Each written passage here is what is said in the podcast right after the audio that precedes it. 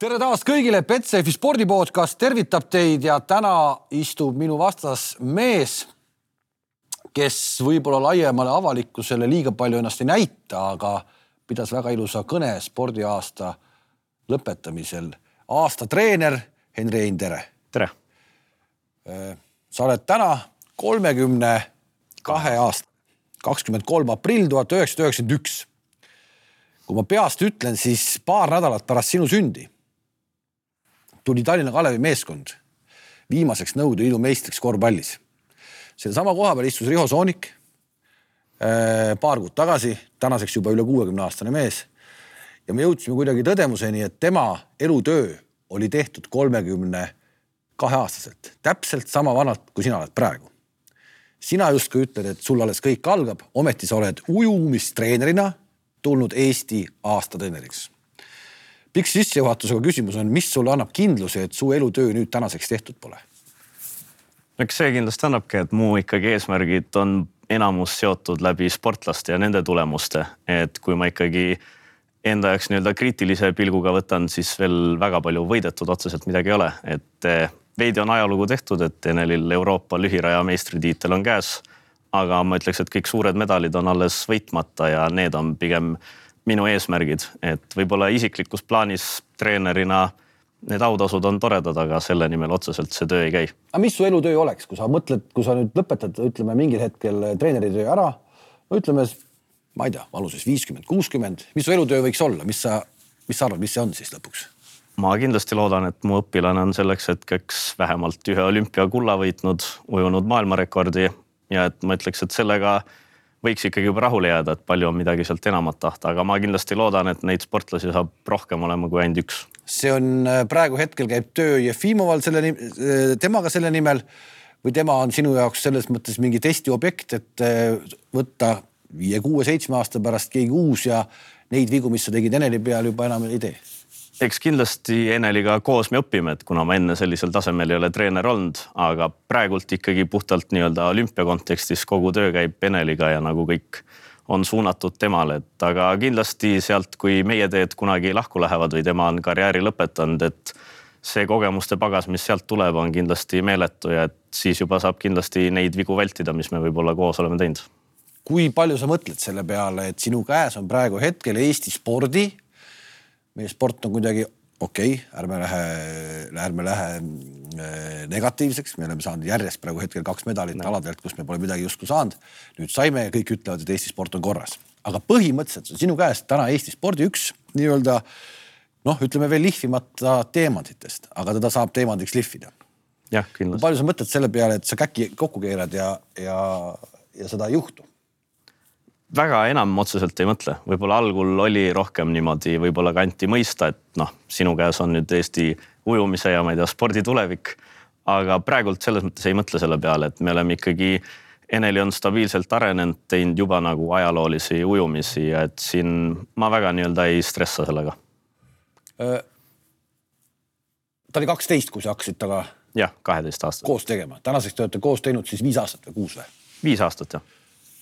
mis see kuidas see protsess tervikuna välja näeb, et eh, noh, kõige raskem ilmselt, ma pole, mul küll tütart ei ole, aga kasvõi noh, lihtsalt kasvamise eas, kõige raskem aeg vist ilmselt eh, kaksteist kuni seitseteist, kaheksateist. kõik need teismelise mured, kõik need jutud. sa ise oled noor mees.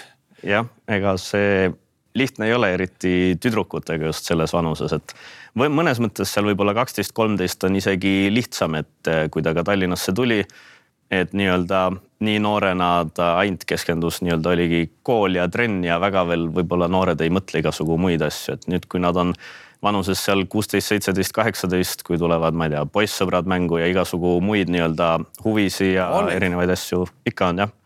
ja et eriti tänapäeva kontekstis, et noh, ongi, ütleme noore meestreenerina ja nii-öelda siis ka alaealise tütarlapse treenimine, et see on kindlasti selline keeruline protsess, kus ma pean ikkagi mingeid asju läbi mõtlema, et mismoodi midagi öelda, teha, et see hiljem mulle endale kuidagi tagantjärgi kahjulik ei oleks. kahjuks on meie spordis just viimasel ajal väga palju seda esile kerkinud. ma ei taha puudutada Sildaru teemasid, kole, kole lugu tervikuna. Mehis Viru, kole lugu tervikuna. ja sa oled võtnud tegelikult selle teekonna, kus võimalus, et sulle võib-olla midagi peale määr-, pähe määritakse, on päris suur.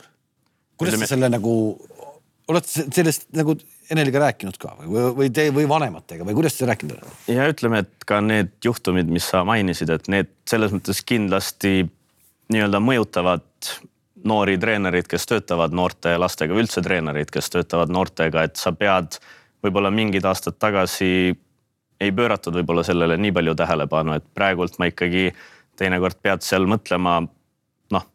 Ütleme, ongi need kontekstid, eriti veel ujumises, kus tütarlapsed on seal trikoodes ja seal võib tekkida nii-öelda jääd kuskil valele pildile ja erinevaid nii-öelda probleemseid kohti, mida sa ise tead ja sportlane, et ei ole nagu mingitki probleemi, aga kellelegi kuskilt võib-olla ei sobi, kuidas ma ei tea, peale mingit võitu, kuidas treener kallistas sportlast või et selliseid mingeid nii-öelda asju, millele sa ikkagi pead mingitel hetkedel mõtlema, neid on päris palju, mis on iseenesest nagu trennivälised. Erki Nool tõi ühes niisama omavahel lobisesime samal teemal enam-vähem ja, ja, ja ütles, et tema teemashüppetreenerina ta peab aitama inimest, noh, tüdrukuid, poisse, ta peab aitama nii-öelda hooga ülesse minna mingites, noh, mingit tehnika mõttes, et näitab ja peab natuke mm -hmm. lükkama ja toetama sellest põhimõtteliselt võib juba piisata? põhimõtteliselt tänapäeval küll jah, et ka ujumises on, ütleme läinud see, et põhimõtteliselt nooremate sportlastega, eks sa pead seal vanematega ikkagi kooskõlastama, et kui mingi treening, et sa tänapäeval ei tea iial neid lapsevanemaid ette, et kellele pärast midagi ei sobinud, kui treener seal hoidis küünarnukki kuskil või midagi tegi, et õnneks minu sportlased ka Eneli, et kuna nad on nii väikesest saati kõik minuga olnud ja koos kasvanud ja et nii-öelda vanematega on kogu see teekond nagu läbi käidud ja see on ka kindlasti üks põhjuseid, miks ma väga enda rühmadelt uusi sportlasi ei võta. et eh, ma ikkagi treenerina näen, et see võtab päris kaua aega, et õppida sportlast, tema pere tundma, et ma nagu teaksin sada protsenti nii-öelda, kuidas see pere käitub teatud olukordades ja mis juhtumid on, et eh, eks ta keeruline on tänapäeval jah laagrisse lähete, võistlustele lähete, lennukis istute eraldi ridades või julgete ikkagi koos istuda? istume koos ja et eks siin noh, kindlasti ma arvan, see praeguseks pole enam saladus, et siin hommikuti ka Enelit mina ikkagi sõidutan autoga trenni, sest see ei oleks muud moodi võimalik tal Audentesest trenni tulla. ja et noh, eks siin tänapäeval loomulikult on, et idee järgi ma võib-olla peaks igaks juhuks GoPro autosse panema, et kõik on kogu aeg salvestatud, et äh, nii-öelda välismaal see on läinud juba nii kaugele ka ujumises, kus kas äkki Iirimaal või kus on mindud, et tegelikult treener oma sportlasega, ütleme alaealise sportlasega siis väljaspool basseini, sa ei tohi temaga põhimõtteliselt eh, Facebooki sõber olla, üldse nagu kontaktis, et kõik on läbi vanemate.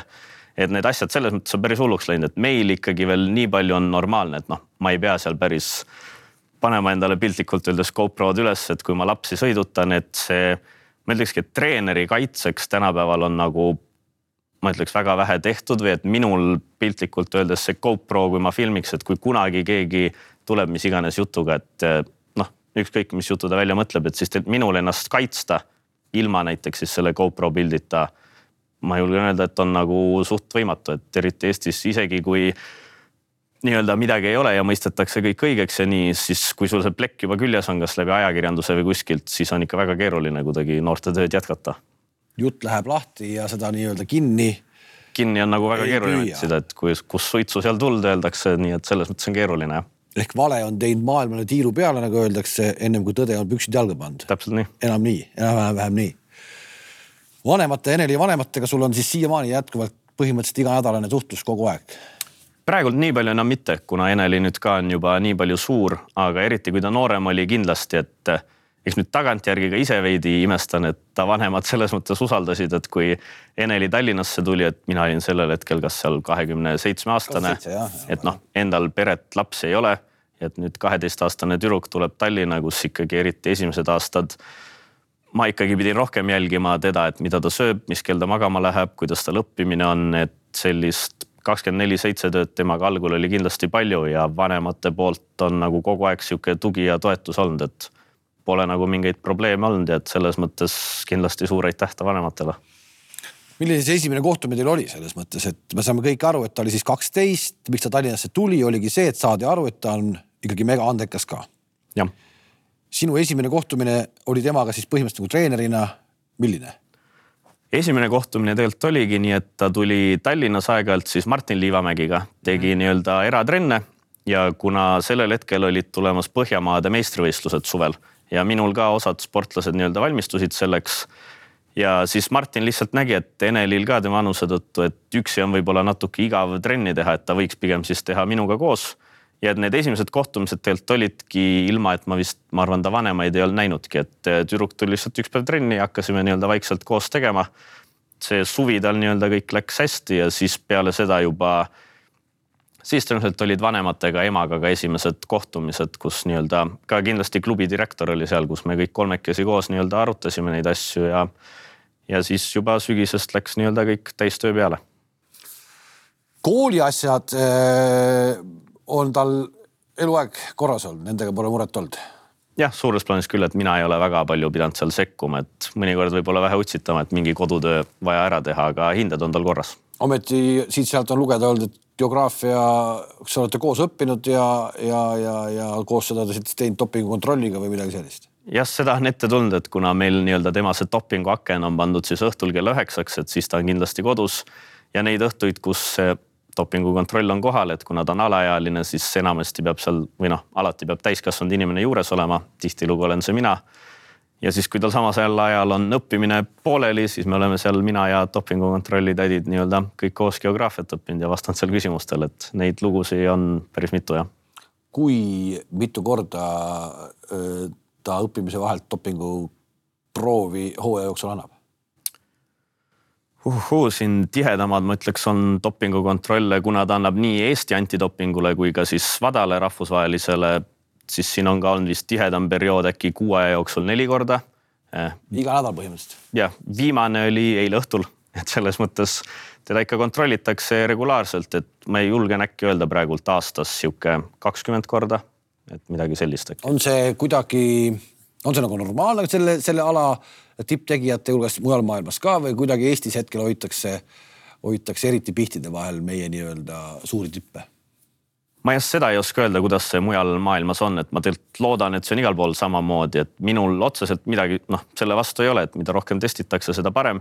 et mõnikord küll on veidi tüütuks läinud, et siin on äkki sattunud, et kahe päeva tagant, et kui on tulnud Eesti antidoping ja kaks päeva hiljem WADA, et siis see, eks ta veidi tüütu ole ja sihuke protsess, aga minul selles mõttes ei ole mitte midagi selle vastu, et mida rohkem, seda parem. ometi üks, üks hiljutine maailmarekord äkki suvel tuli kuskilt Kaasanist Venemaa meistrivõistlustelt, kuidas see, kuidas, kuidas te nagu sellele vaatate, et sealt tulevad maailmarekordid, kuigi nad ju mitte kuidagi ei saa olla äh, nii jälgimise all, kui on muu maailm eks sellega see muu maailma ujumine, eriti Euroopa ujumine ikkagi mures on, et see Venemaa ujumine ja üldse sport, et neid dopingu lihtsalt juhte ja juhtumisi ja asju on väga palju olnud, et eks ta sellist nii-öelda kõmu tekitab, et eh, see konkreetne ujuja küll noh, me selles mõttes teame, ta on kogu aeg tipus olnud ja väga andekas noorest saati, aga see, mida nad seal täpselt söövad, teevad, et eh, see on, ütleme mulle. see maailmarekord on kirjas ju, see põhimõtteliselt on ju ära kinnitatud praegu. jah, see selles mõttes on kinnitatud,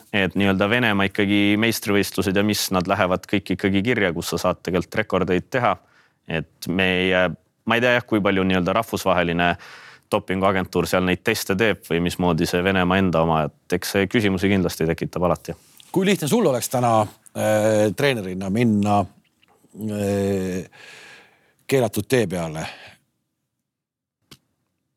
ma ei, ma arvan, suht keeruline või ma ei teaks nagu kust otsast nii-öelda jah, peale hakata, et siin praegult äh, nii-öelda ka Enelil läbi siis Team Estonia kõik need arstid, füsiod, et siin ise kuidagi leiutada ja tänapäeva kogu selle tehnika juures, et äh, ma nagu, mul peaks, ütleme, olema siis võib-olla mingid keemiaalased või muud teadmised väga kõval tasemel, et kuidagi. nii arst või keegi ei ole koputanud, kuule, siin on ju mõnus taastumisvahendeid selliseid proovida, äkki katsetame? ütleme, et ei ole, et seni on selles mõttes kõik hästi. mõistad sa seda mõistad sa seda õudset, õudset mõtet selles mõttes ka, kui juhtub midagi pahasti, et neid pettumusi Eesti spordirahvas väga palju üle enam ei suuda elada, ma arvan. Selles mõttes on küll, et ütleme just võib-olla see Heiki Nabi viimane juhtum, et mis noh, tänapäeval need testimised ja kõik on läinud nii selliseks, et me ka Enelil ütleme mõni vähene toidulisand, mida ta kasutab, et minul selles mõttes on kogu aeg hirm, et kui ta noh, kunagi ei ole nagu sajaprotsendist garantiid, et eh, nii-öelda ka testitud valgupulbrist või kuskilt, et hiljem, kui see mingi ükskõik mis näit või asi tuleb, et selles mõttes oleks jälle moment, kus te ei teagi nagu kust siis peale hakata või mida nagu teha, et sellist äh, eks veidi seda hirmu või mõtet ikka on, et kui kunagi noh, Eneli annab neid teste nii palju, et kui me lõpuks saame ka meili või midagi, et mis iganes mikro, makronäit on kuskil midagi valesti. Et siis nagu hästi keeruline oleks, et. kes tal täna üldse selles mõttes seda, eh, no sa ei saa, sa, sa, no sa ei saa kõike nõu ju anda, aga kes tal, kes ta, kes, kui suur see tiim ta ümber täna on, kes ikkagi nagu kontrollib seda, et midagi pahasti ei läheks. ma mõtlen just need arstid ja, ja nii edasi no ütleme, et ega seal peale minu ongi kolm-neli inimest, füsioarst, nii-öelda toitumisnõustaja ja et ega nii-öelda ka mingite toidulisandite kasutamine, et eks see minul läbi toitumisnõustaja käibki, et nii-öelda mingid kindlad brändid, mida võib kasutada, mida ei või kasutada, aga ka nende nii-öelda siis testitud ja heaks kiidetud brändide osas, seal on alati ikkagi mingi noh, kasvõi null koma null null null, et sul on seal mingi asi sees, et see on ka üks põhjus võib-olla, miks hästi pikalt Enel ikkagi üldse mitte midagi ei võtnud nii-öelda tavatoidu kõrvalt. aga miks nüüd vaja on? Ütleme, et koormused on lihtsalt nii suureks läinud, et sul tavatoidust, makaronist, kartulist sa ei saa päris kõiki asju kätte, et selline tavaline taastusjook peale trenni ja trenni ajal lihtsam elektrolüüdijook, et see ikkagi on vajalikud asjad. Lähme korra, lähme nende koormuste juurde, mis need koormused on, et et sa oled nüüd kaheteistkümnest aastast nagu, kust sa üldse võtad selle teadmise? et sa oled, nagu sa ütlesid, kakskümmend seitse olid siis, kui sa võtsid ta üle. kus sa need teadmised ammutad, kuidas üldse ühe kaheteistkümne aastasega, kes on mega andekas, ma saan aru, hakata tegema? Äh, kuidas neid koormuseid jagada? Äh, kuidas seda jälgida aasta-aastalt, et ta üle ei paneks, et meil, meil Eesti spordis on neid ületegemisi ju ka yeah. mega, mega palju teada eks see on nii-öelda samm-sammult läinud, et eh, nende sportlastega algusest peale ma olen tulnud ja ega see on ikkagi puhtalt ise tuleb juurde õppida, et ega kui ma siin mööda välismaad ringi ei käiks, ei loeks raamatuid internetist, ei otsiks, et ega siis tõenäoliselt neid teadmisi ei olekski, olekski väga lihtne nii-öelda üle panna, et tuleb nii-öelda kõigepealt raamatud läbi lugeda ja seejärel noh, tänapäeval tegelikult, kuna internet on olemas ja kui sul ikkagi vähe endal huvi on, siis sa leiad sealt põhimõtteliselt kõik üles, et eh, see ei ole tegelikult väga keeruline siin meie jalgpallisaates istus hiljuti Jassislav Zahovaiko, kes ütles, et tegelikult ta, tema nagu jalgpallitreenerina tohutult nagu tunneb puudust erialasest kirjandusest eesti keeles. et seda ei ole, et noh, ujumises vist. Ei, ei ole. meil, ma võin eksida, aga ma tean, et on sihuke Õpime ujuma nii-öelda alg mingi raamat, aga rohkem ma ei tea, et väga midagi oleks, et need materjalid nii-öelda, millega mina kõik töötan, loen, otsin, on kõik ingliskeelne, et eesti keeles ei ole põhimõtteliselt midagi. ja isegi ei ole meil tegelikult tänapäeva võimaluste juures Youtube'is kõige elementaarsemad tehnika, tehnika, siuksed eestikeelsed tehnikaharjutuste videosid ju on või ei ole? Ma tean, et Ujumisliit tegelikult kunagi on teinud, et Youtube'ist vist on leida päris siuksed eestikeelsed nii-öelda algõppe mingid kursusasjad, et midagi sellist nii-öelda on isegi olemas jah. millega sul pole midagi teha? jah, selles mõttes minul väga palju pole. aga räägime nendest koormustest ikkagi, ütleme tänane päev. Eh, sa oled öelnud, et ütleme põhimõtteliselt kell viis hommikul sa võtad eh, Eneli peale, te lähete Audentases põhimõtteliselt on siis see trenn baas teil jah? Eh, Autent, minu sportlased treenivad Kalev spaas põhikohaga. okei okay., te lähete sinna ja hommikune trenn lõpeb ära siis, hakkab ja lõpeb, mismoodi see on siis? ütleme, et kõige sihuke tavalisem päev ongi, kui ma olen Eneli peale võtnud, et kell kuus me hüppame Kalevis vette ja veidi sõltuvalt päevast ja nii-öelda hooaja faasist ujume poolteist kuni kaks tundi ehk siis hiljemalt kaheksa on ikkagi läbi. Eh, siis ma enamasti viin Eneli tagasi kooli, kus ta läheb sööma ja siis nii-öelda asub õppima. ja põhimõtteliselt nii kui kool on läbi tuleb ta jälle tagasi Kalevisse, et siis olenevalt päevast, kas on pilates, on jõusaal või on lihtsalt üldkehalise ettevalmistuse trenn, mis on ka sihuke tund kuni poolteist. ja seejärel jälle ujuma kaks tundi vees ja õhtul kaheksaks jõuab ta koju. et selline on sihuke tavaline päev. ehk praegu hetkel, kui kell on meil kaksteist, kui me juttu teeme, ta on koolis? Eh, jah, praegu selles mõttes on kool. op ei tee ei, loodetavasti ei tee, kuigi ta nii-öelda koormuste tõttu vahepeal siin on rohkem ka e-õppel olnud, et õnneks Audentese spordigümnaasium nii palju ikkagi sportlastele on ta kindlasti väga vastutulelik. Äh, see hommikune trenn, mis täna näiteks hommikul oli, mis see, mis ta siis mahuliselt, mis ta seal läbi ujub siis?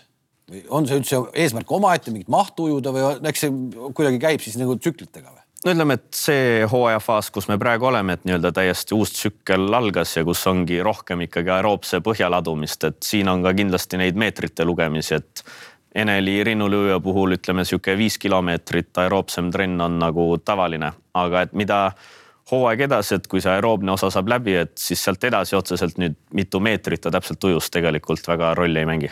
ehk siis läheb lihtsalt nii-öelda lõigud ja, ja...? siis on juba jah, puhtalt väga selline võistlusspetsiifiline töö. Ometi nüüd tulid medalid.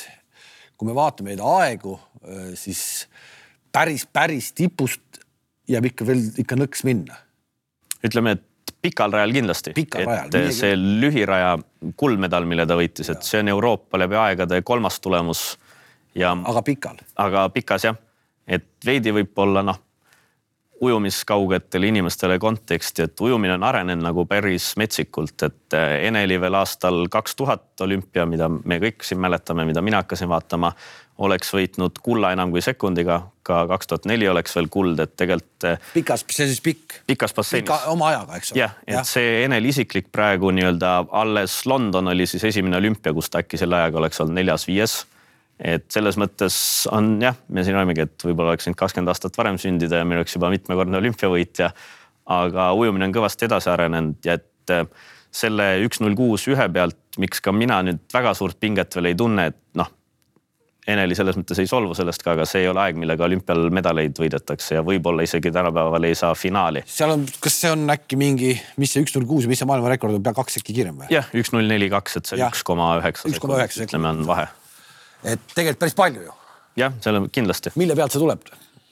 no Enelil neid faktoreid, mille pealt tulla, noh, üks kindlasti põhilisi on, ma ütleks puhtalt ka tehnika, aga jõud, et ta ikkagi sellel tasemel on kindlasti puhtfüüsiliselt võib-olla üks nõrgemaid ujujaid ja et kõik nii-öelda selline aeroobne vastupidavus, kõik anaeroobsed asjad, et tal ikkagi varu on igalt poolt võtta, et tal ei ole veel ühtegi sellist punkti, kus me saaks öelda, et nii, see on korras ja sellega me enam nagu tegelema ei pea. Leedul Anna Mielutite tulemisega tundus, et ujumine läheb ka jube noortealaks kuidagi, eks ole. ta tuli ju, noh, ta lõi ikka uksepauguga lahti, ta oli viieteistaastane. nüüd sa praegu räägid, et Jefimova jõudu ja kõike seda, eks ole, no tundub ka loogiline, et noh, mida vanemaks sa saad, seda rohkem sa, sa ikkagi suudad seda yeah. nagu tekitada. siis ehk et, et tegelikult tema, leedukas oligi siis ikkagi täiesti imeinimene mingis mõttes. Jah, kindlasti, et seda enam noh, ka praegult suvel ta nii-öelda peale oma comeback'i tuli taas maailmameistriks, et ta on ikkagi maailma täielikus tipus juba olnud kaksteist aastat et aga mis küll ujumine jah, on õnneks nii-öelda ikkagi edasi läinud, et seal enamus tipud Eneli ümber on tast ikka oluliselt vanemad, et ka seesama Ruta Meilutite ja kes on ikkagi sinna kahekümne teine pool juba no,. nüüd jah, aeg läheb nii ja. kiiresti lihtsalt noh. et selles mõttes eh, Enelil kindlasti aega on seega ühesõnaga ta ei ole enam üldse nii, et ta peab nagu väga noorelt mingid tulemused ära tegema, et ujumises saab samamoodi nagu üldse viimase aja spordis on et, äh, et sa arened ikka päris, päris vana eani, sa oled välja öelnud tegelikult lause, mis mul jäi silma ühes intervjuus, et tal on ees veel kolm-neli-viis olümpiat.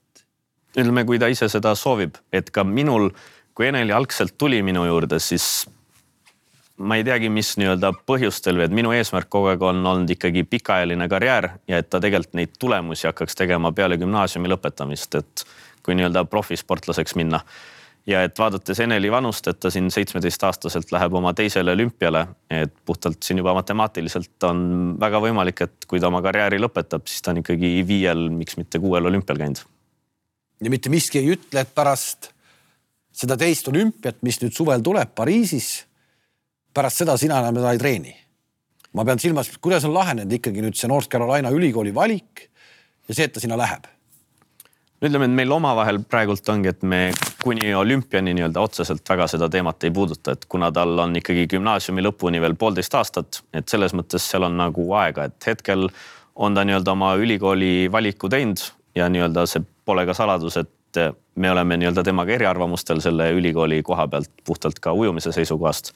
Et eks need on asjad, mida me tõenäoliselt hakkame täpsemalt siin vaatama juba peale siis selle aastast olümpiat suudad sa, suudad sa teda igapäevaselt praegu nii-öelda sajaprotsendiliselt treenida. teades, et ta sinu arust on teinud täiesti vale valiku, ehk ütleme nagu tausta mõttes ära, et see North Carolina on kahtlemata tore ülikool, eks ole, seal ujumisega tegeletakse. aga keegi kuskilt ütles, et sealt olümpiavõitjad ei tule, pluss eriti, mis nagu pani nagu kõrvakikki, et just seesama rinnul ujumine, mis on Eneli nagu teema, et sellega seal nagu väga üldse ei tegeleta. miks sa selle valiku tegi siis, sa küsisid ometi ta käest nii-öelda, eks tal olegi nii-öelda hariduslikke põhjuseid seal ja me ei ole väga nii-öelda eraldi taga maha istunud ja nii-öelda ma ei ole väga teda pinninud otseselt sellel teemal, et eh, kindlasti me oleme arutanud, et mina mingi hetk, kui ta selle valikuga tegi või noh, olin nende ülikoolidega juba rohkem ka jälginud ja et selles, selles ülikoolis on kindlasti just meeste ja sprindi pool on nagu väga tasemel, aga ütleme, et naiste poolelt ja et nad NCAA nii-öelda tiitli peale ei uju ja et ka rinnul ujumises, et kui Eneli sinna kooli läheb, ta on nagu pika puuga parim rinnulööja, kes seal on. et selles mõttes mina oleks võib-olla kindlasti eelistanud ikkagi treenereid, kust sul on aastate kaupa kogu aeg tulnud tipprinnulööjaid ja kui sa lähed ikkagi kohta, kus sul ümberringi on võib-olla olümpiavõitjad ja sinust ikkagi paremad rinnulööjad, et ma näen, et see tema arengule tõenäoliselt mõjuks paremini. ehk ühesõnaga see, kui ta sinna läheks praegu, ta oleks pika puuga parim rinnulujumine, ujuja, et ta põhimõtteliselt nii-öelda Äh, sportlik tase langeb sellega kohe, et sul ei ole konkurentsi ümber ma ei usu, et ta langeb, kuna noh, kindlasti seal need ujujad ümberringi on ikkagi tugevamad võib-olla kui Eneli igapäevased treeningkaaslased siin ja et noh, Eneliga selles mõttes, kui ta minu juurde tuli, et minul ei olnud ka väga mingit resümeed all, et äh, mina olen just see, kes ta tippu viib, et seal kindlasti on väga head treenerid ja see koostöö võib klappida, aga ütleme, et Eneli taseme juures tal oleks ka nii-öelda valikuid seal päris nii-öelda maailma number üks treenerite juurde. see, et ta tahab USA-sse minna, ülikooli minna hariduse mõttes kõik arusaadav, jumala arusaadav. Äh, kas sa ise oled teinud eeltöö ära? Äh, selles mõttes, et öelda, et kuule, näe, lähme sinna, mine sinna, mine sinna ülikooli, siin on palju-palju parem, et sa oskad talle öelda ja ta kuulab sind selles mõttes, et näe, siit sa saad edasi minna, samamoodi sa saad haridusse, sa saad tead, nimeta mõni ülikool, kuhu ta võiks minna sinu arust no nii-öelda seal kindlasti sihuke neli-viis ülikooli, et eh, Cal Berkeley's ja seal veel Arizonad ja neid erinevaid ülikoole ja neid treenereid kindlasti on. Ja siin ka ütleme Stanford, mis nagu hariduse mõttes, mis treeneriga ma ise suhtlen, et neid variante on erinevaid ja eriti tegelikult selle Eneli taseme tõusuga nüüd ka siin EM-i järel, et ka põhimõtteliselt Euroopa koondiste tasemel, kus ta saaks treenida, neid nagu variante on, et selles mõttes eks peale gümnaasiumit või peale seda Pariisi olümpiat peab veel nagu maha istuma, arutama, et mis ta nagu päriselt siis ütleme peale gümnaasiumi teha tahab, et variante ma ütleks, tal on väga palju ma vaatan sind praegu ja siis ma kuidagi tunnen, et sa võtad seda kuidagi vähemalt väliselt jube rahulikult. kas peaks nii rahulikult võtma või ei peaks? ma ei oska, ma olen kuidagi kogu aeg võtnud, et noh minu osa Eneli karjääris on igal juhul olemas, et ma saangi, mida võib-olla ka vanemad treenerid mingi hetk on imestanud, et kui Eneli lõpuks olümpiakulla võidab Los Angeleses kaks tuhat kakskümmend kaheksa ja mina ei ole konkreetselt see treener seal äärel siis ma ei saa öelda, et mul kuidagi jõle kurb oleks, et ma tean, et minu osa sinna on antud ja lõppude lõpuks ta selle kulla võitis, et kas see nüüd on konkreetselt minuga või kellegi teisega.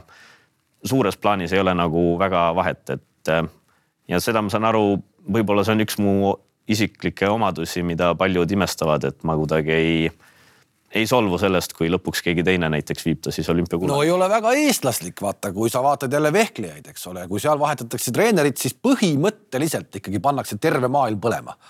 ehk et see on täiesti nagu, nagu hullumeelne näide eestlusest ja sellest nii-öelda omavahelisest suhetest, kui üks vehkleja vahetab treenerit, siis see eelmine treener lihtsalt noh, noh konkreetselt läheb hulluks ära ja sa proovid seda vältida, sa proovid olla kuidagi käia nagu sihukest mitte-eestlaslikku rada ma jah, ma olen kogu aeg enda sportlastega võtnud ka Eneliga selle, et eh, ma treenin neid täpselt nii kaua, kuni mul on oskusi ja teadmisi ja Eneliga on see kogu aeg olnud, et kui mingi hetk nii-öelda ma ise tunnetan ära, et ikkagi, et minu piir on ees, et siis ma saadaks ta kuhugi edasi.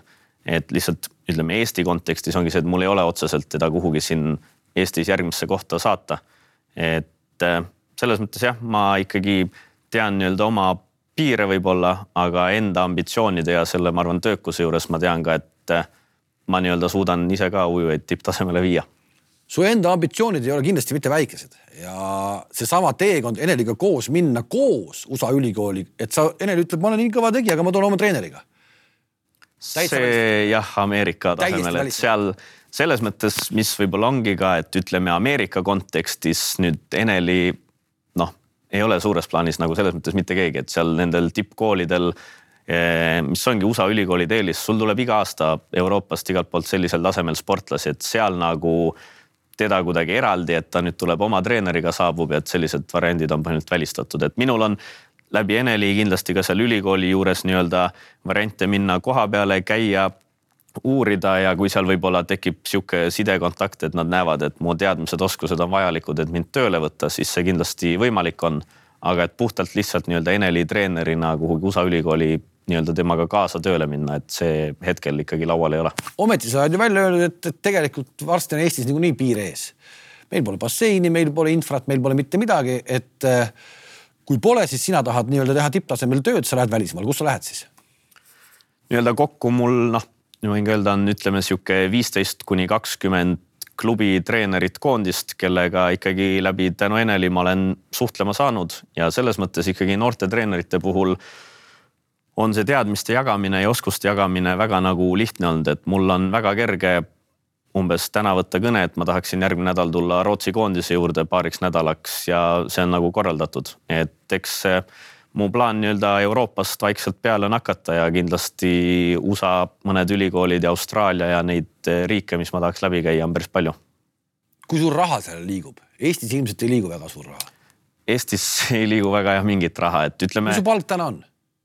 ma nii-öelda konkreetset summat öelda ei saa, aga et minu palk on kindlasti selles mõttes on praegult läbi EOK on nagu paremaks läinud, et Eneli tasemel, kuna ta on B-kategooria sportlane, on ka seal treeneri toetus olemas. aga et ega muidu ma pidingi töötama kolmes klubis ja hommikust õhtuni trenne andma, et ja siis, kui ma oma Rootsi või Hollandi kolleegidega, sama vanadega nagu räägime nendest asjadest ja nende palganumbrid on kolm, neli, viis, kuus korda suuremad, siis saadki aru, et Eestis ikkagi puhtalt sihukest tippujumist teha piltlikult öeldes on võimatu. no sa oma kõnes mainisid, et et ei saa teha tipptreener, tippujujaid, kui sa pead lükkama pensionäridest turiste veetorust üles või alla, kuhu iganes, eks ole, et sa pead tegelema nendega, näitama, kus tualett on ja nii edasi. no kell kuus hommikul Kalev spaas ilmselt väga palju ikkagi neid pensionäre veel ei uju. tegelikult, tegelikult on teil seal ju vabadust ja ruumi olemas, nii et meil on ikkagi olemas viiekümne meetri bassein, kus hommikuti kell kuus kedagi ei ole ja saab teha tipptasemel trenni jah, ütleme, et hommikud ongi parim variant kolmel hommikul, kui me seal tööd teeme, et eriti praegu me saame ujulasse sisse enne, kui veel ujula uksed avab et siis algul on täiesti sihuke tunne, nagu töötaks kuskil maailma tipptasemel.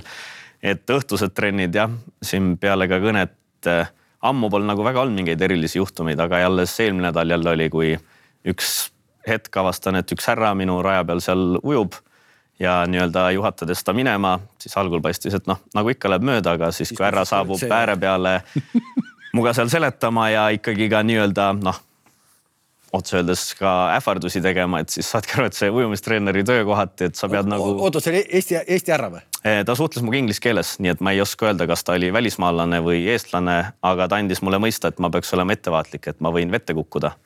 mis me seal mõned minutid arutasime, et noh, sellel hetkel ongi, et okei okay,, praegu meil on rahulik periood eh, vees, et aga noh kui mu sportlased ujuvad nii, et ma samal ajal seal mingi tüübiga jauran nii, et kas ma nüüd minuti pärast pean mingeid enesekaitseliigutusi tegema või ma saan oma tööd jätkata, et see on noh, tegelikult on see jabur.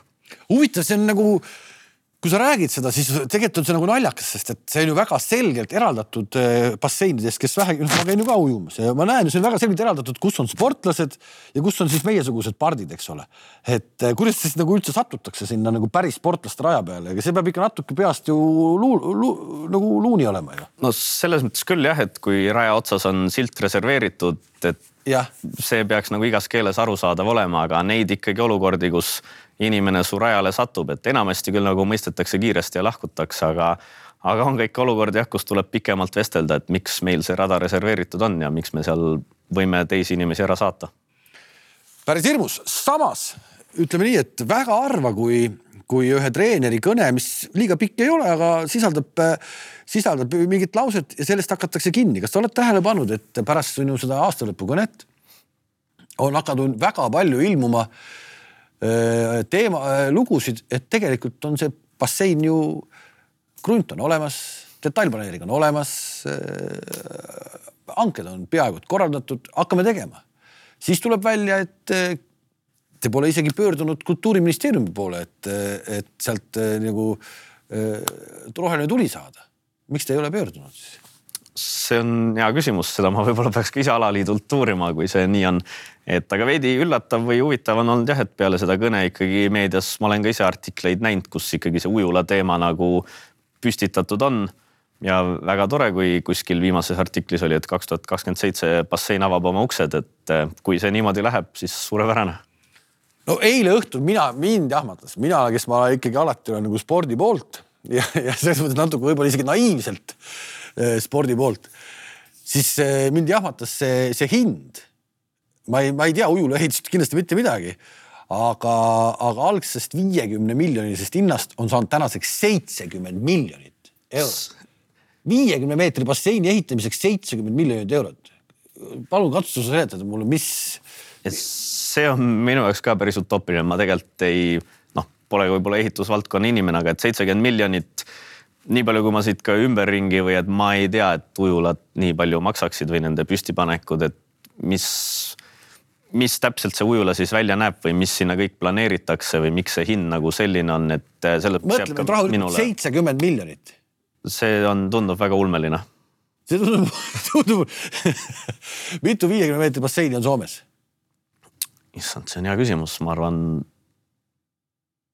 ma niimoodi jah, peast ei oska Lätis? selles mõttes öelda ma tean, et Lätis on äkki kolm vähemalt. Leedus? Leedus, neid on äkki juba Kaunases kaks-kolm, Vilniuses. kes Kaunases käinud ei ole, soovitan minna vaatama Kaunase linna tervikuna. tegelikult tundub, et spordi peale rõhutakse päris palju. ja ütleme, et Leedu, ma julgeks üldse öelda ujumise valdkonnas kindlasti, et neil on kas äkki projektid seal järgmise mitme viiekümne meetri ujula peale ja noh, rääkimata korvpallidest ja muudest aladest, et kuidagi kõrvalt vaadates on näha, et nagu Leedu riigina, linnadena panustab sporti, ma julgen öelda, oluliselt rohkem kui Eesti. jah, see ja, ja, ja, ja lõpetame selle jutu ära, et korvpall, et seal on ainult korvpall, et see religioon ja muud moodi seal ei saa. seal on ujumine, nagu sa räägid, praegu käib hetkel Dakari ralli. igas masinaklassis on leedukaid, kui mitte üks mm. või mitte kaks, siis üks kindlasti, mõnes isegi kolm. meeletult populaarne, meeletult kallis ala ja, saadakse hakkama oled sa leedukatega rääkinud teemal, kuidas, miks neil nagu paremini need asjad on? otseselt mitte, et Leedu treeneritega nii palju ei suhtle, aga ikkagi nii-öelda ka seal tipptasemel, et noh, ongi piltlikult öeldes, kui Ruta või Danas Rapsis soovib ujulasse minna, siis talle antakse rada, olenemata sellest, kas seal ujuvad mõned konnatädid või kes seal on, et seal ikkagi ma näen, et sportlasena, tippsportlasena sa oled nagu väga hinnas ja ikkagi antakse omalt poolt kõik, et sa saaksid tippu pürgida või siis tipus paremaid tulemusi teha okei okay,, lisaks sellele, et meil ei ole basseini või see bassein on hommikuti kella kuuest kella kaheksani enam-vähem kasutatav, see viiekümne meetrine bassein, mis meil veel puudu on?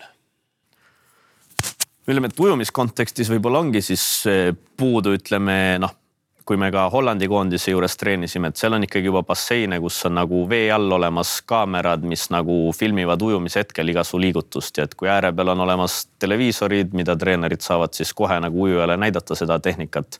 et eks see võib-olla ongi suurim selline miinus, et muud asjad, noh võib-olla ongi üks selline kompleks, et kui sa sportlasena saad, et sul on seal see jõusaal, sul on taastumisprotsessid, sul on ujula, et see kõik oleks nagu ühte kohta koondatud.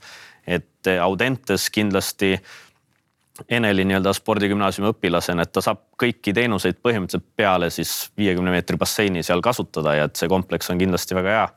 aga ma usungi, et me tegelikult vajaks nagu üleüldist sellist suuremat kompleksi, et eks me siin omavahel nooremad oleme arutanud, et miks mitte Eesti, Läti, Leedu umbes panna rahad kokku kuhugi keskteele Lätti või ükskõik kuhu nagu ehitada üks korralik tõesti olümpiakeskus, et kolme riigi peale seda võib-olla ongi lihtsam töös hoida, kus sul on need basseinid, staadionid, jõusaalid, korvpallisaalid, mis iganes, aga. suudaksid sa mõelda, et selline asi saab nagu reaalselt ka nagu toimima? hetkel võib-olla keeruline, sest mulle tundub, et Leedus asjad töötavad ja leedukad vaataks, et me tuleme lihtsalt teile appi, et, et selles mõttes hetkel ma kujutan ette, et see on veidi keeruline.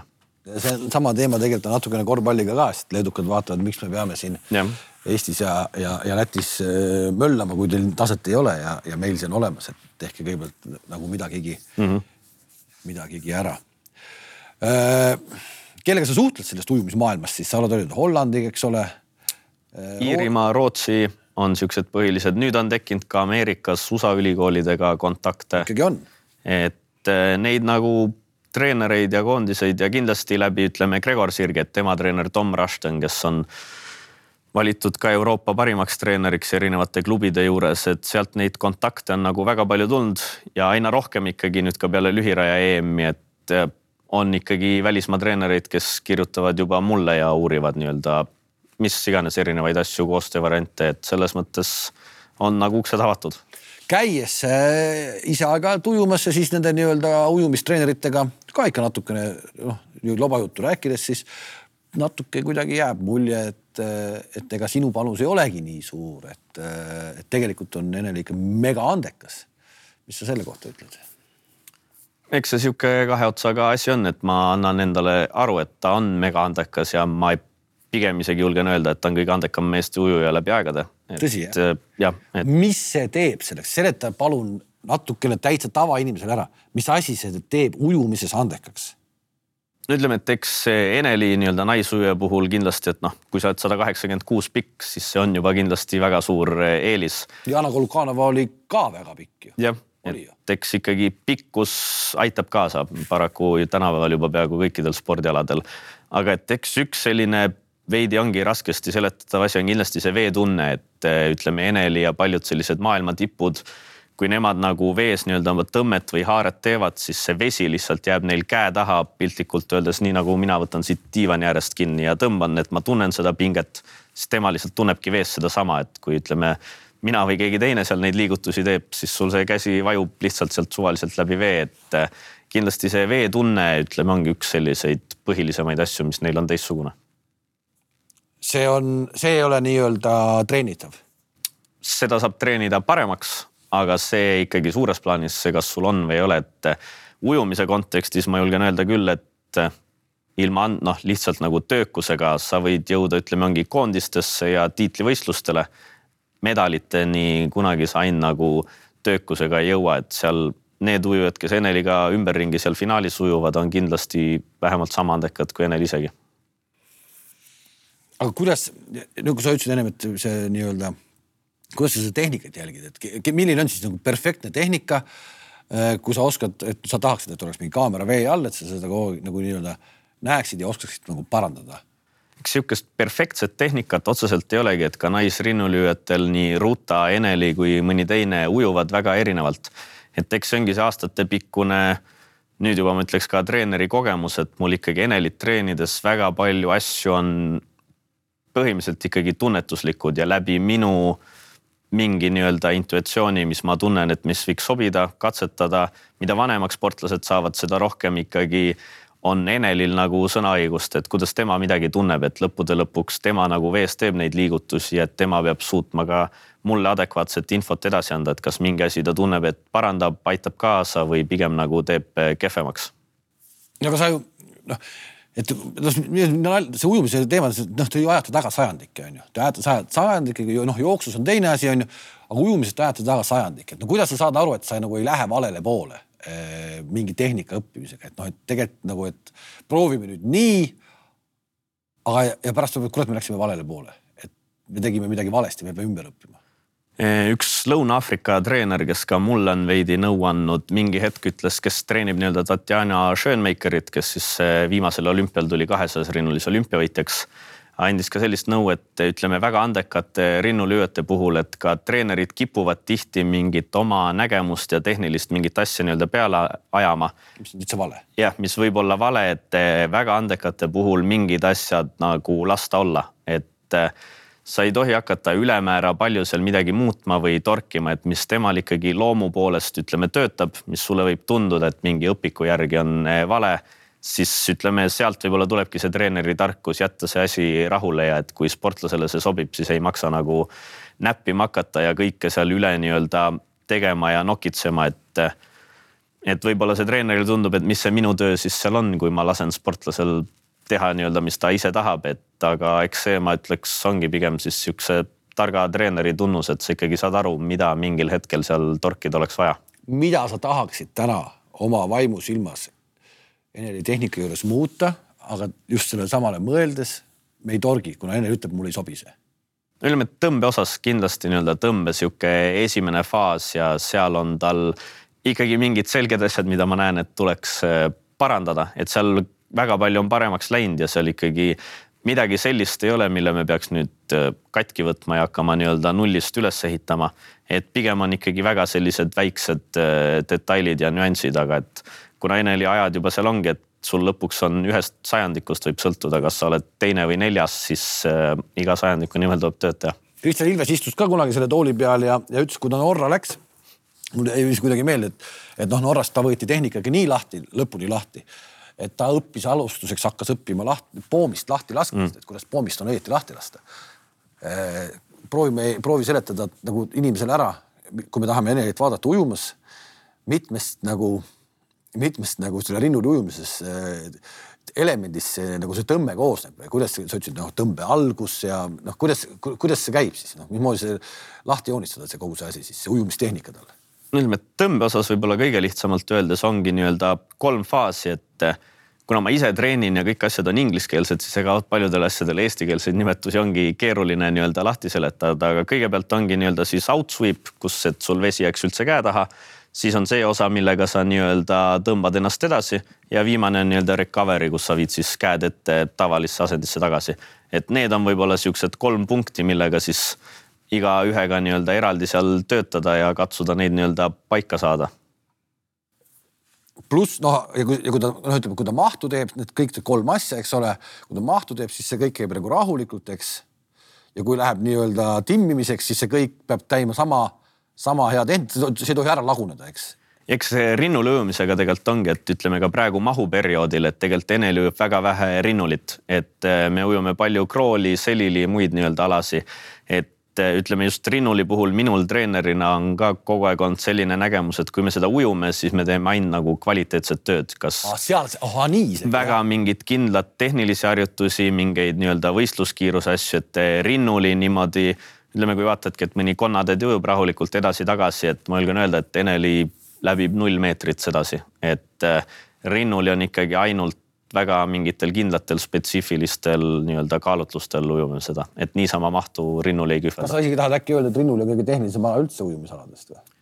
ma julgeks nii väita küll, et äh, minu rühmas kuidagi, ma ei tea, kas siis läbi tänu Eneli on sattunud ka, et tegelikult pea pool rühmast on rinnulujujad. et kas ma siis teadlikult või alateadlikult suunan neid sinnapoole, et äh, rinnulis nii-öelda neid nüansse ma julgeks ikkagi öelda, on kõige rohkem. aga ka rinnul ujumist ma näen kõige pikemaajalisemalt saab nagu arendada, et see on üks aladest, eriti sprindi osas, kus jõupool mängib nagu väga suurt rolli ja eriti ka poiste osas, et noh, selgelt nad ei ole seitsmeteistaastaselt nii füüsiliselt tugevad kui seal kahekümne neljaselt, et eh, mida rohkem jõudu juurde tuleb, seda paremaks ka tõenäoliselt rinnulöömine läheb. see oli ka põhjus, kui sa ütlesid praegu, et ta tegelikult nagu mahualal teeb hästi palju teisi alasid, Estikatel ta vist osales ju praktiliselt kõikidel aladel või?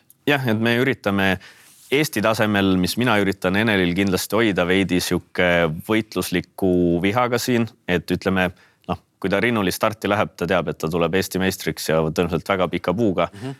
aga muudel aladel, kuna talle ei meeldi üldse kaotada, et siis ega talle väga ei meeldi, kui keegi teine temavanune tüdruk tuleb, paneb talle ükskõik mis alal ära et ma kindlasti üritan Eestis puhtalt treeningi eesmärkidel ka võistlustel lasta tal ujuda tegelikult teisi alasid mis ta tegi, mis ta tegi, mitu starti ta tegi Estikatel, see oli kaksteist starti, ei? äkki kaksteist kokku, et 12 üldiselt mitu, sellistel võistlustel.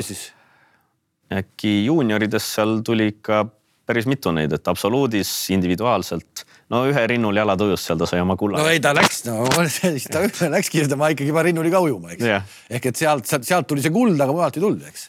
Ja individuaalset kulda äkki minu meelest ei saanud. kuidas ta kaotusid üle elab?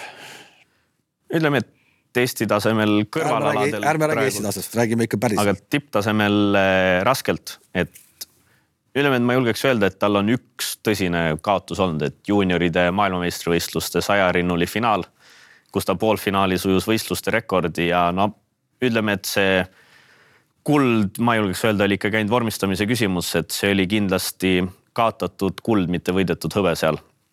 Ja et eks esimesed, ma julgeks öelda, kakskümmend neli tundi olid ikka väga keerulised, et eh, mulle küll treenerina ütleme sellises pikas plaanis ma ei saa öelda, et see tegi nagu heameelt, aga see, et eh, näha nagu, kuidas ikkagi Eneli, et teda ei jäta nagu ükskõikseks see kaotus, et ta oli ikkagi väga emotsionaalne, väga löödud ja et minule tegelikult see selles mõttes treenerina meeldis, et see annab kindlasti talle sihukest sportlikku viha juurde, et ta näeb, et nagu tööd on veel palju vaja teha. kuidas see emotsionaalsus väljendus? ta jätab ikkagi väga sihukese lihvitud äh, mulje, et ta nagu avalikkuse ees väga ei ole, aga kuidas see väljendus siis? no ütleme, et ma ei oska öelda, mitu tundi ta tõenäoliselt nuttis seal järjest ja selles mõttes, et eks tüdruku puhul ongi, et eks neid pisaraid ikkagi aeg-ajalt tuleb ja et eks seal treenerina tuleb mingitel hetkedel õppida, et millal ma pean seal kas midagi karmimat ütlema, millal lihtsalt lohutama, millal üldse laskma tal nii-öelda niisama olla ja järgmine päev alles neid asju puudutada et.... aga sa ise õpid ju samamoodi kogu aeg, sa pole, sa pole nendes, selles, selles olukorras mitte kunagi olnud. sa ise õpid ju täpselt samamoodi. oleks sul Eneli juba kümnes õpilane, sa oled kõike seda näinud, sa tead, mis toimub mm. -hmm. et kust sa ise oskad seda nii-öelda selle, selle, selle kindluse võtta, et davai, las ta tönnib, onju küll läheb üle, äkki ei lähe. et noh, et. Eks see ongi, ma ütlekski, miks mul Eneliga see tunnetus võib-olla parem kui teistega vähe on, et me ikkagi viis aastat oleme peaaegu et kakskümmend neli seitse koos olnud, et eh, tema tunneb mind väga hästi, mina tunnen teda väga hästi, et selline, ma julgeks öelda, et tipptasemel spordis ikkagi see treeneri, sportlase usalduslik eh, suhe on, ma ütleks paljuski kõige alus, et eh, ka ujumises on palju seda öeldud, et võib öelda, et otseselt pole väga vahet, mida see treener sulle seal ette annab, et kui sportlane usub sellesse, et sa pead ujuma kümme kilomeetrit trenn ja sa seda usud, siis see tõenäoliselt töötab ja kui sul on treener, kes ütleb, et on vaja üks kilomeeter teha ja sa nagu päriselt seda usud, siis see ka tõenäoliselt töötab, et selline väga hea üksteise mõistmine peab kindlasti olema. selle, seda enam selle pealt ma tahaks praegu ikkagi aru saada. kui ta pole tipptasemel ujumist teinud mitte ühegi teise treeneri all, teil on omavahel no totaalne klapp vaidlete, mida iganes, aga teil on usaldus olemas.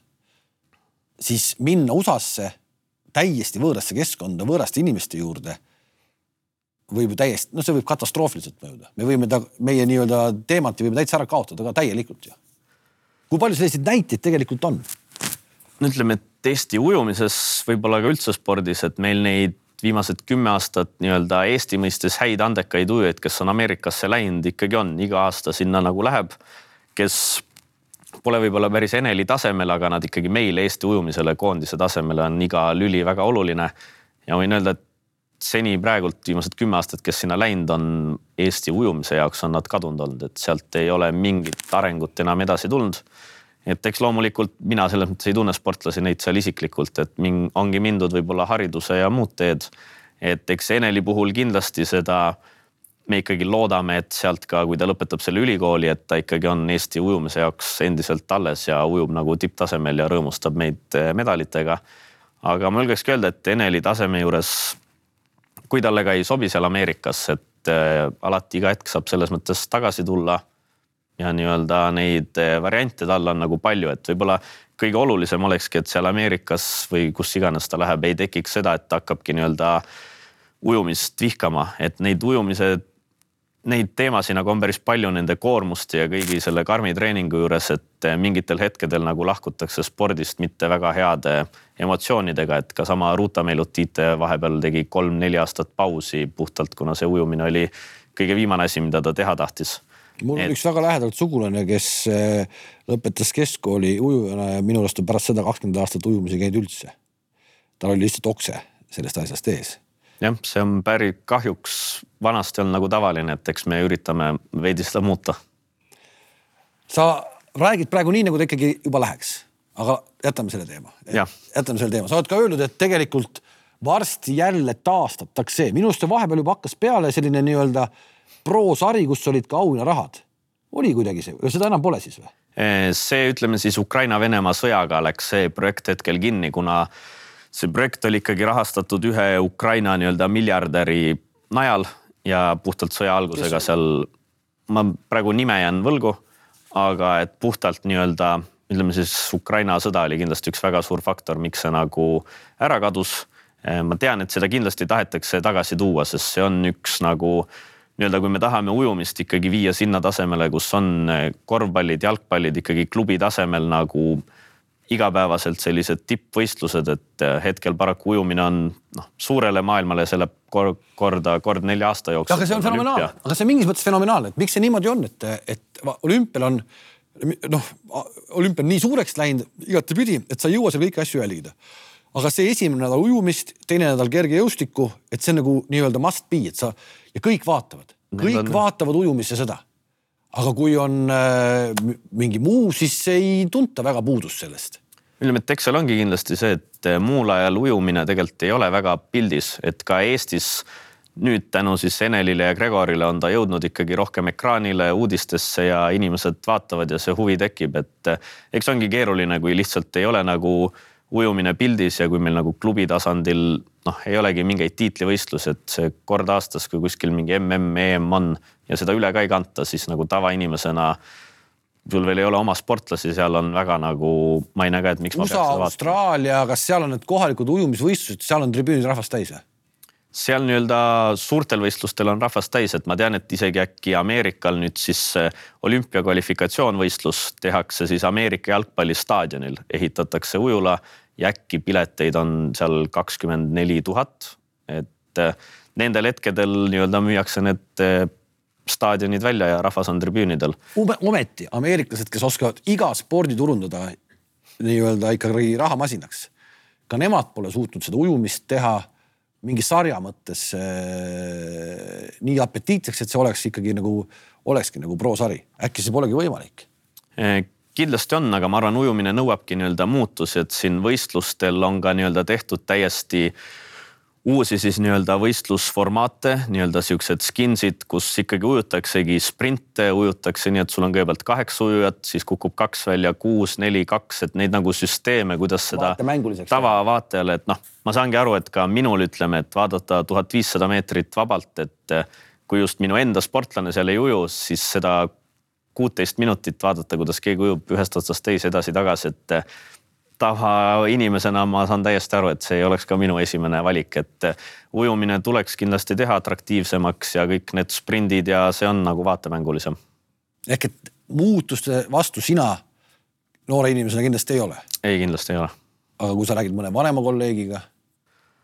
eks seal ole rohkem nagu vaja seda mõistmist, et ka kui see ISL, see rahvusvaheline ujumisliiga tuli, et siis ka nii-öelda ujumise enda nagu paljude alaliitude poolt, seal oli ka nii-öelda küsimusi, kes ei tahtnud oma sportlasi sinna lubada, et eh, eks seal noh, õnneks küll nähti, et see ISL nagu töötab, et sportlastele nagu meeldib, et me ikkagi peaks ennekõike mõtlema sportlaste peale, mitte nagu mingite ametnike peale, et kellele mis kuskil mujal meeldib ja sobib. täna on äh, Saudi Araabia ja see kant ju võtmas kõik spordialad ikkagi suurte rahadega üle, ujujad ei koputa selle ukse peale, et lähme tehke meile ka siia mingi liiga. golf on sinna minemas, eh, jalgpallid, korvpallid, eh, noh, kõik asjad. ega see ei pruugi olla välistatud, et Euroopa treenereid juba seal ütleme, kõik need Araabiad ja paljud sealsete riikide treenerid on eurooplased. palju tiitlivõistlusi kõnnib aina rohkem sinna Doha, Kataride ja muudele poole. käinud, oled ka käinud nuusutamas? olen ka Abu Dhabis käinud võistlustel, et eh, selles mõttes ongi see kurb veidiga, et ongi näha, et kuna raha on meeletus koguses, siis see võistlus tehakse seal ära ja kõik on super, aga sul tribüünil istub võib-olla üks inimene, et äh, seal ei ole veel võib-olla sellist spordikultuuri, aga et äh, see on väga võimalik, et need Araabia maad ka ujumises midagi nii-öelda ehitama hakkavad mis su enda nagu päris elus siis nagu toimub, et kui sa ütlesid, et perekonda sul ei olnud, lapsi ei olnud, kakskümmend seitse, täna sa oled kolmkümmend kaks, sa saad kolmkümmend kolm, jätkuvalt ei ole? ei, ja hetkel pole ka näinud nagu väga varianti, et kuidas seda tekitada, et kui hommik algab neli kolmkümmend ja lõpeb seal üheksa-kümme õhtul, et eh, eks need selles mõttes treeneril ongi võib-olla keerulisem mingid teatud valikud olnud, et kuna ma praegult ikkagi olen keskendunud ainult tippspordile ja selle olümpia nimel nii-öelda töötanud, et siis on nagu see kindlasti sihuke esimene põhisamm. et eh, ja eks peale seda noh ma piltlikult öeldes naljaga oleme naernud, et peale Pariisi olümpiat hakkan veidi ka vaatama võib-olla eraeluliselt, et võib-olla peaks ise ka natuke elama. milline see unistus on? iseelamise elu? no loodetavasti kunagi ka naine, lapsed, et eh, pere tahaks kindlasti luua, et eh, ma ei näe, et ma nüüd selles mõttes jääkski terveks eluks nii-öelda üksi ainult seda tööasja tegema. aga mis sind kannustab täna nagu siis eh, kogu seda, seda hullust nagu läbi tegema, on see ainult see olümpiamedal samas, kui sa näed, et näiteks, et noh, sa ütlesid saate alguses ütlesid, et, et mitte ainult üks olümpiamedal, vaid mitu. no seda ei saagi siis ju teha teistmoodi kui, kui niimoodi pühendudes, nagu sa praegu pühendud. eks ma kindlasti loodan mingi hetk võib-olla kas siis töötada keskuses või olla nii-öelda keskkonnas, kus on nii-öelda need tingimused juba kõik loodud ja et sa saadki keskenduda nii-öelda ainult enda sellele treeneritööle ja töötadki selles mõttes tippsportlastega, kes ongi professionaalsed, teevad oma tööd, et sealt kõrvalt sellel hetkel ma arvan, on kindlasti seda pere nagu lihtsam luua, et hetkel puht ka sellest vaatevinklist ongi, et kui minu rühm, ütleme, lõpetab Eneli Ameerikasse või ka teised, siis ega Eestis mul selles mõttes ei olegi väga varianti, et nagu enamus treenerid ikka, sa peaksid minema siis alt hakkama uuesti põhimõtteliselt järgmiste lastega tulema. oleksid sa valmis tegema uue kaheteistaastase või no ütleme, see tsükkel kestab Eneliga jäme, no jämedalt, noh, kümmet aastat ei tule täis. aga põhimõtteliselt oleksid sa valmis tegema uue ringi täpselt samamoodi või ilmselt mitte äh,? ei, praegu see ütleme ongi, mis äh, ma olen kogu selle teekonna läbi teinud ja ma näengi, et miks mina ka sinna välismaa poole vaatan, et mul hetkel lihtsalt ei ole seda huvi hakata alt eh, uute noortega tulema. üks ongi üks väga selge põhjus ongi, et ma ikkagi soovin tegeleda nagu selle tippspordiga ja seal tiitlivõistluste tasemel. ja ma tunnen ka, et kui nii palju nüüd aega on nagu pühendatud, õpitud, kontaktid saadud ja kõik, et siis see oleks veidi nagu raiskamine minna siis jälle alla, hakata väikeste lastega mulje puhuma et ja ma loodan ka kunagi võib-olla kaugemas tulevikus, et nagu ka Eesti ujumisel on sellest eh, kasu, kui ma näiteks olen saanud töötada erinevate koondiste juures igal pool, et siis ma tuleksin hea meelega Eestis, võib-olla annaks oma, aitaks nõu ja jõuga, kui vaid soovitakse no Eneliga sa mulje ei pidanud puhuma, ta ikkagi natuke oskas juba vette hingata, aga kui ta, kui te kokku saite, aga, aga, aga, aga jälle siis saavutada selline klapp ühe sportlasega tipptasemel sportlasega juba, nagu sul täna Eneliga on, siis äkki see ei ole, ei ole nii lihtne jälle? kindlasti, et minul, kuna ma nagu otsin uusi kogemusi ja asju, et ega ma ei oskagi selles mõttes öelda, et ma ei ole igapäevaselt täiskasvanud profisportlastega töötanud, et eh, minu jaoks olekski kindlasti väga uus, et noh, piltlikult öeldes, kui ma hakkan homme Gregor Sirgi treeneriks, et see ongi väga uus ja teistsugune protsess, et võtta nii-öelda ikkagi näiteks siis rühmatäis tippujujaid, kes juba on seal maailma tipus ja nüüd veel üritada siis Täitsa seal midagi sajandik paremaks saada või midagi, et see on kindlasti väga keeruline protsess, et puhtalt Enelil ja minu sportlastel praegu noh, noortega kasvad paar sentimeetrit pikemaks, saad tugevamaks ja suure tõenäosusega sa ujud juba kiiremini. aga kui sa oled näiteks kahekümne seitsme aastane ja isiklik rekord on, ma ei tea, seitse aastat vana, et siis seal leida need kohad üles, et kuidas sind paremaks saada on kindlasti väga suur väljakutse. hoopis teine maailm. täiesti teine jääme selle Eneli juurde praegu korra veel, et noh, et nüüd sa ütled, nüüd hakkab jõudma siis gümnaasiumi lõppu ja, ja kuidas just see, et jõudu peab tulema juurde. Eh, kui palju see treeningprotsess tal siis nagu muutub? Eh, ujumisest rohkem eh, jõusaali poole?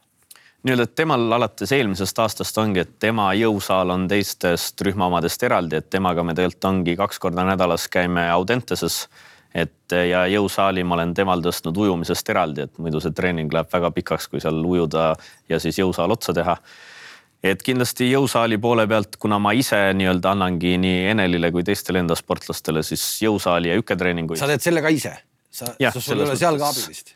mul on, ütleme e, inimesi, kellega ma pean nõu, aga et kuna see valdkond on mind tegelikult noorest saati huvitanud ja ma olen ka kuni viienda tasemeni siis läbinud fitnessi, kulturismitreeneri koolitusi, et kogu see jõusaali ja see pool pakub mulle tegelikult sama palju huvi, et eh, siis ma olen nagu ise sellega toimetanud ja võib-olla üks põhjus ka on, et ma ei leia, ma ütleme, võib-olla teen liiga, aga et Eestis noh, kui sa oled lihtsalt jõusaali treener, see ja nüüd hakkad näiteks ujujatele andma jõusaali ja teed seal oma jõusaali asju, et see ei ole kindlasti päris see, et seal ma ei julgeks öelda, et ujumise koha pealt sellel jõusaali treeneritel meil ei ole, ma arvan, päris sellist teadmistega võib-olla jõusaali treenereid. põhimõtteliselt aga jälle mingis tippkoondises on ikkagi noh, ongi kaasas jõusaali treener, kes on pühendunud ujujate. jah, ütleme, et seal koondiste juures seal ikkagi need üldfüüsilise treenerid, nad ei ole selles mõttes jõusaali personaaltreenerid, kes siis treenivad aeg-ajalt ujujaid, vaid nad ongi puhtalt nagu ujujate üldkehalise ettevalmistuse nii-öelda eest vastutavad siis, et nende teadmised on kindlasti spetsialiseerunud siis ikkagi ujujatele. no näed, juba selle arvelt sa saaksid välismaal äh, nii-öelda pere luua. põhimõtteliselt küll jah uskumatud, äh, uskumatud pühendunud mehed on, äh, on osad treenerid ja sina kuulud kahtlemata nende hulka, et milline see sinu pidupäev on? mis mis see sinu nagu pidupäev on? kas see, kui, kui Eneli nutab, et ta kaotas kulla, tegelikult oli sinu pidupäev? ei, minu pidupäev, eks see ongi võib-olla keeruline, et ma olen üritanud rohkem ikkagi hakata rõõmustama mingite võitude pärast, et ma kipun olema seda tüüpi, et äh, ma ka treenerina nii-öelda ma vihkan rohkem nagu kaotamist, kui nagu armastan võitmist, et kuidagi see kaotamise pool jääb rohkem nagu sisse, et kui need võidud ka tuleb mingi kuldvõit, siis mul kipub olema, et selge, noh, linnuke kirjas ja lähme nagu edasi, et, et seda tähistamise poolt peaks kindlasti parandama. väga huvitav, kui me alustasime võrdlusega Riho Soonikuga, siis me saame hakata vaikselt lõpetama võrdlusega Jaak Salumetsaga, kes sellel samal sinu sünniaastal, ma ei tea, kas sa oled näinud seda Kalevi filmi või mitte? olen näinud. sa oled suur spordifänn, sa vaatad palju sporti ja see, kuidas tuli tiitel ja Jaak Salumets ei tähistanud, vaid istus käed pea käte vahel. ja hiljem on ta käest ju küsitud seda ja ta ütles, ta on nii tühi, et tal ei olnud mitte ühtegi emotsiooni. ehk seesama on siis sul ka? jah, see vastab tõele, et see, see on üks huvitavamaid asju, mida ma võib-olla õppinud olen, et treenerina noh, ujumistreenerina kõigi unistus on, ütleme olümpia ja et tegelikult, kui ma juba väga noorelt sain Tokyo olümpial käia ja sealt juba tagasi lennul veidi oli noh, et umbes, mis nüüd noh, et nagu unistus sai täidetud, aga et seda emotsiooni või mida sa kohati nagu otsid või loodad leida, ei tulnud, et see on ka üks, miks ma nagu naudin väga seda igapäevatööd, et sellist ühte minut tähistamismomenti, et eks kindlasti ma julgeks öelda, et olümpiafinaal ja olümpiamedal, kuldmedal on kindlasti see moment, mida nagu peaks tähistama, aga et üldiselt jah, see nagu vastab tõele, et need tiitlivõidud ka Enelil on tihti pigem see pingelangus on lihtsalt suur, et sellist joovastust nagu ei olegi tulnud, et eh, veidi jah, seega mind on võib-olla, mul on nii-öelda ka nõu antud kõrvalt, et võib-olla nautida neid momente rohkem, et võib-olla kipub liiga, et eh, tuli kuld, selge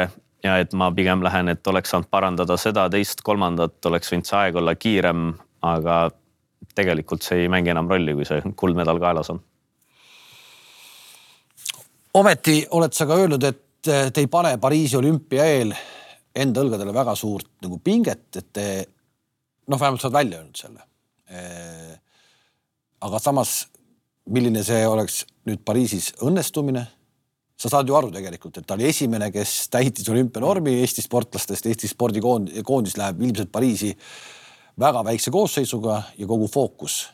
Te olete ju tahtnud, et ujumisest räägitakse mm, -hmm. kogu fookus on ujumise peal ehk siis äh, milline on see õnnestumine ja milline on täielik ebaõnnestumine?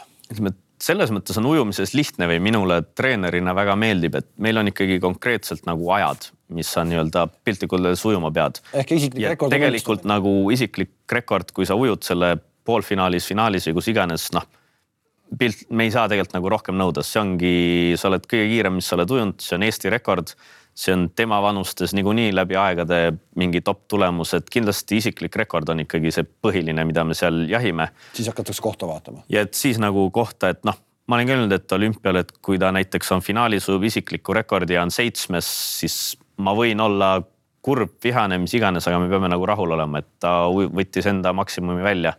et selles suhtes ma nagu näengi, et meil on kindlasti minu töö nii-öelda käibki pigem nende aegade suunas, et me väga selle koha peale mõelda on nagu keeruline, et see ei sõltu selles mõttes meist, et kui ikkagi kolm naist ujuvad sinust sekund kiiremini, noh siis ei ole lihtsalt mitte midagi teha. sa oled väga punktuaalne mees, täna on meil jaanuari keskpaik. Pariisi olümpiani aega täna kui palju? äkki on kakskümmend kaheksa nädalat saja meetri rinnulist stardini. nii, ja selle kahekümne kaheksa nädalaga Eneli ujub kilometraaži mõttes suures plaanis kui palju? Päris sinna välja pole arvutatud praegu siin mahuperioodil, noh, temal ütleme nelikümmend kilomeetrit nädal on selline tavaline. nelikümmend kilomeetrit nädal, sada kuuskümmend kilomeetrit kuu on treeningud ja see läheb natuke väiksemaks, kui hakkab lähemale jõudma see. mitu päeva sellest, mitu puhkepäeva tal nädalas tuleb? nii-öelda tal klassikaliselt pühapäev on nii-öelda see vaba päev, et ülejäänud päevad ikka on trennid. ehk pühapäeval ei tehta midagi mitu laagrit või mitu päeva ta saab kodus veeta nende kahekümne kaheksa nädala jooksul, et panna konteksti? ütleme, et kodus, et päris siis noh, ta on pärit Sillamäelt, et ja. kodu on tal seal.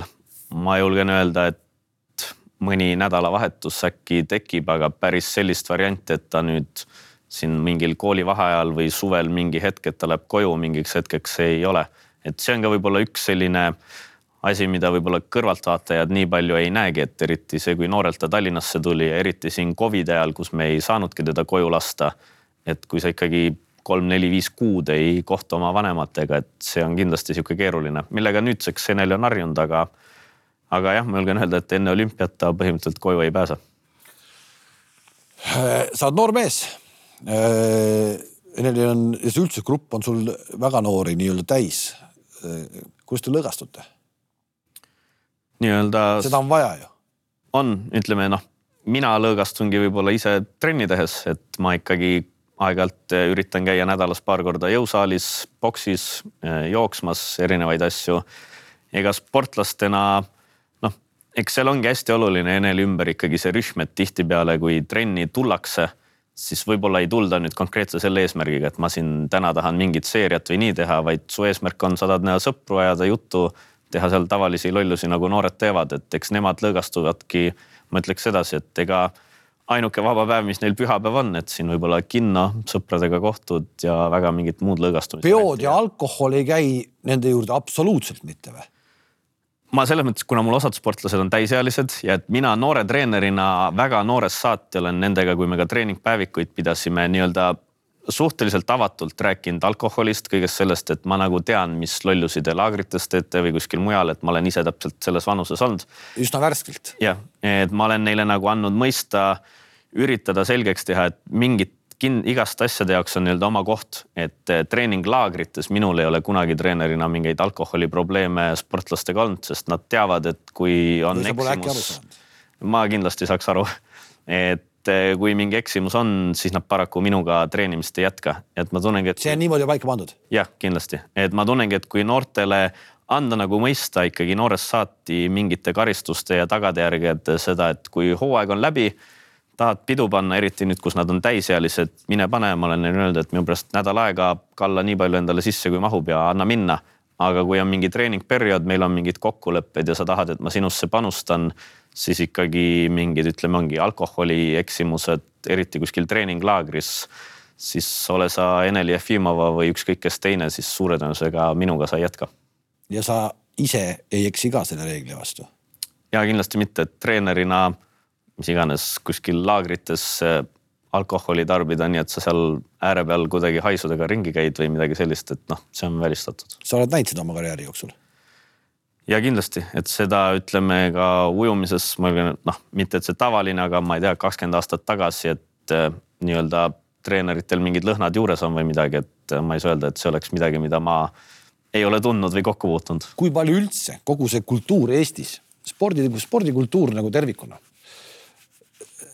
on läinud aastate jooksul, just viimaste aastate jooksul mulle kuidagi tundub, et on hakatud aru saama, et, äh, et see kärakas ja kõik see jutt ei ole võib-olla, et võib-olla varem seda oli liiga palju meil spordis või, või ei ole see nii? ma arvan küll, et on ja ma näengi, et nooremad treenerid, kes tulevad, et puhtalt see, et me nagu ka ise ikkagi, mina, Mart ja Aljan nii-öelda kolleegid, endised tippujujad, me teeme ise igapäevaselt trenni ja see on kuidagi meile väga nagu normaalne osa päevast ja me ka veidi sport, noh ma ütlengi sportlastena nad on ka, et nagu raske on usaldada treenerit võib-olla, kes on täiesti vormist väljas või ma ei tea, kui sa oled kopsuarsti juurde, kes ise suitsetab või mingeid siukseid näiteid, et siis ei võeta nagu väga tõsiselt, et ma ikkagi üritan puhtalt ka jõusaali osas veel enda noortel poistel, et mu jõud peab neist üle käima, et ma pean ikka jõusaalis nii-öelda ise ka rassima, et ma näen küll, et see muutub, et noored treenerid ja kuidagi see alkohol, eks nooremana ülikoolis sai ise kindlasti oluliselt rohkem pidutsetud ja möllatud, aga praegu. see oligi viisteist aastat tagasi. jah, et aga praegusel ajal ma julgekski öelda, et noh, ka endal siin võib-olla pidutsemist kord aastas, mingi aastavahetus või sünnipäev, aga muul ajal kuidagi ei ole seda huvi ja ka need seltskonnad siis ongi, kus sa viibid, ei lihtsalt ei tekita seda. igal juhul väga tore, et sa tulid selle tänase päeva jooksul, leidsid selle tunnikese meiega siin olla hommikul sa käisid siis basseinis ära, praegu on koolitükkide tegemise aeg sinu jaoks tegelikult, mis sa teeksid siis sellel hetkel, kui sa täna siin ei oleks? õpiksid midagi, loeksid midagi? ütleme, et päevane aeg lähebki ikkagi arvuti taga, et nüüd juba noh, Eneliga seoses on palju igasugu nii-öelda laagreid, võistluste asju, mida täita, aga treeningplaanid, raamatu lugemine, igasugu nii-öelda lähebki kõik selle töö arvele, mida võib-olla paljud teised ei näe, et ka sportlased selles mõttes naeravad, et noh, nad näevad, et annad hommikul kaks tundi ära, lähed koju, magad enda arvates kuus tundi ja siis tuled, annad järgmise trenni, et jõle äge elu see treeneri elu. aga ma julgekski öelda, et see basseini äärel trenni andmine on see kõige väiksem ja kõige lihtsam osa kogu sellest tööst üldse. mis sa siin, ehk sa tõid juurde sinna siis äh, otsid lennukipiletid äh,, book'id laagrit, kõik see, kõik see sinu peal või? Eh, õnneks meil klubis on selle jaoks nagu inimene olemas, et eh, mina lihtsalt nii-öelda vastavalt plaanidele pean nii-öelda andma talle selle info edasi, aga mul ikkagi ka praegult sel hetkel suur osa päevast kulub nii-öelda uute teadmiste omandamisele. saja meetri rinnul ujumine kahe nädala, kahekümne kaheksa nädala pärast. mis aeg, mis aeg olümpialt tuleb? ma seda konkreetset Tehneli aega välja öelda ei saa et äh, ma tean ka meil, ütleme väga noorelt, kui Eneli tuli, et meil on üks kindel aeg, mis on üldse nagu meie eesmärk. noh, nii palju ma saan öelda, et nii kiiresti pole kunagi keegi ujunud, aga need ajalised eesmärgid, eks meil omavahel ole need teada, aga need me hetkel jätame veel saladusse. no siis äh, jääme ootama ja kui isiklik rekord tuleb, on asi korda läinud ja mokakobinat ei tohi olla. täpselt nii. aitäh, et sa tulid Betsafe spordipodcast eh, tänaseks lõpetab, eh, hoiame pöialt, et selliseid noori treenereid nagu on Henri Hein oleks Eestis mitte ainult ujumises, vaid äh, igal spordialal aina rohkem ja rohkem. siis võib juhtuda, et Eesti spordis tuleb ilusaid asju. aitäh sulle veel kord. aitäh. kohtumiseni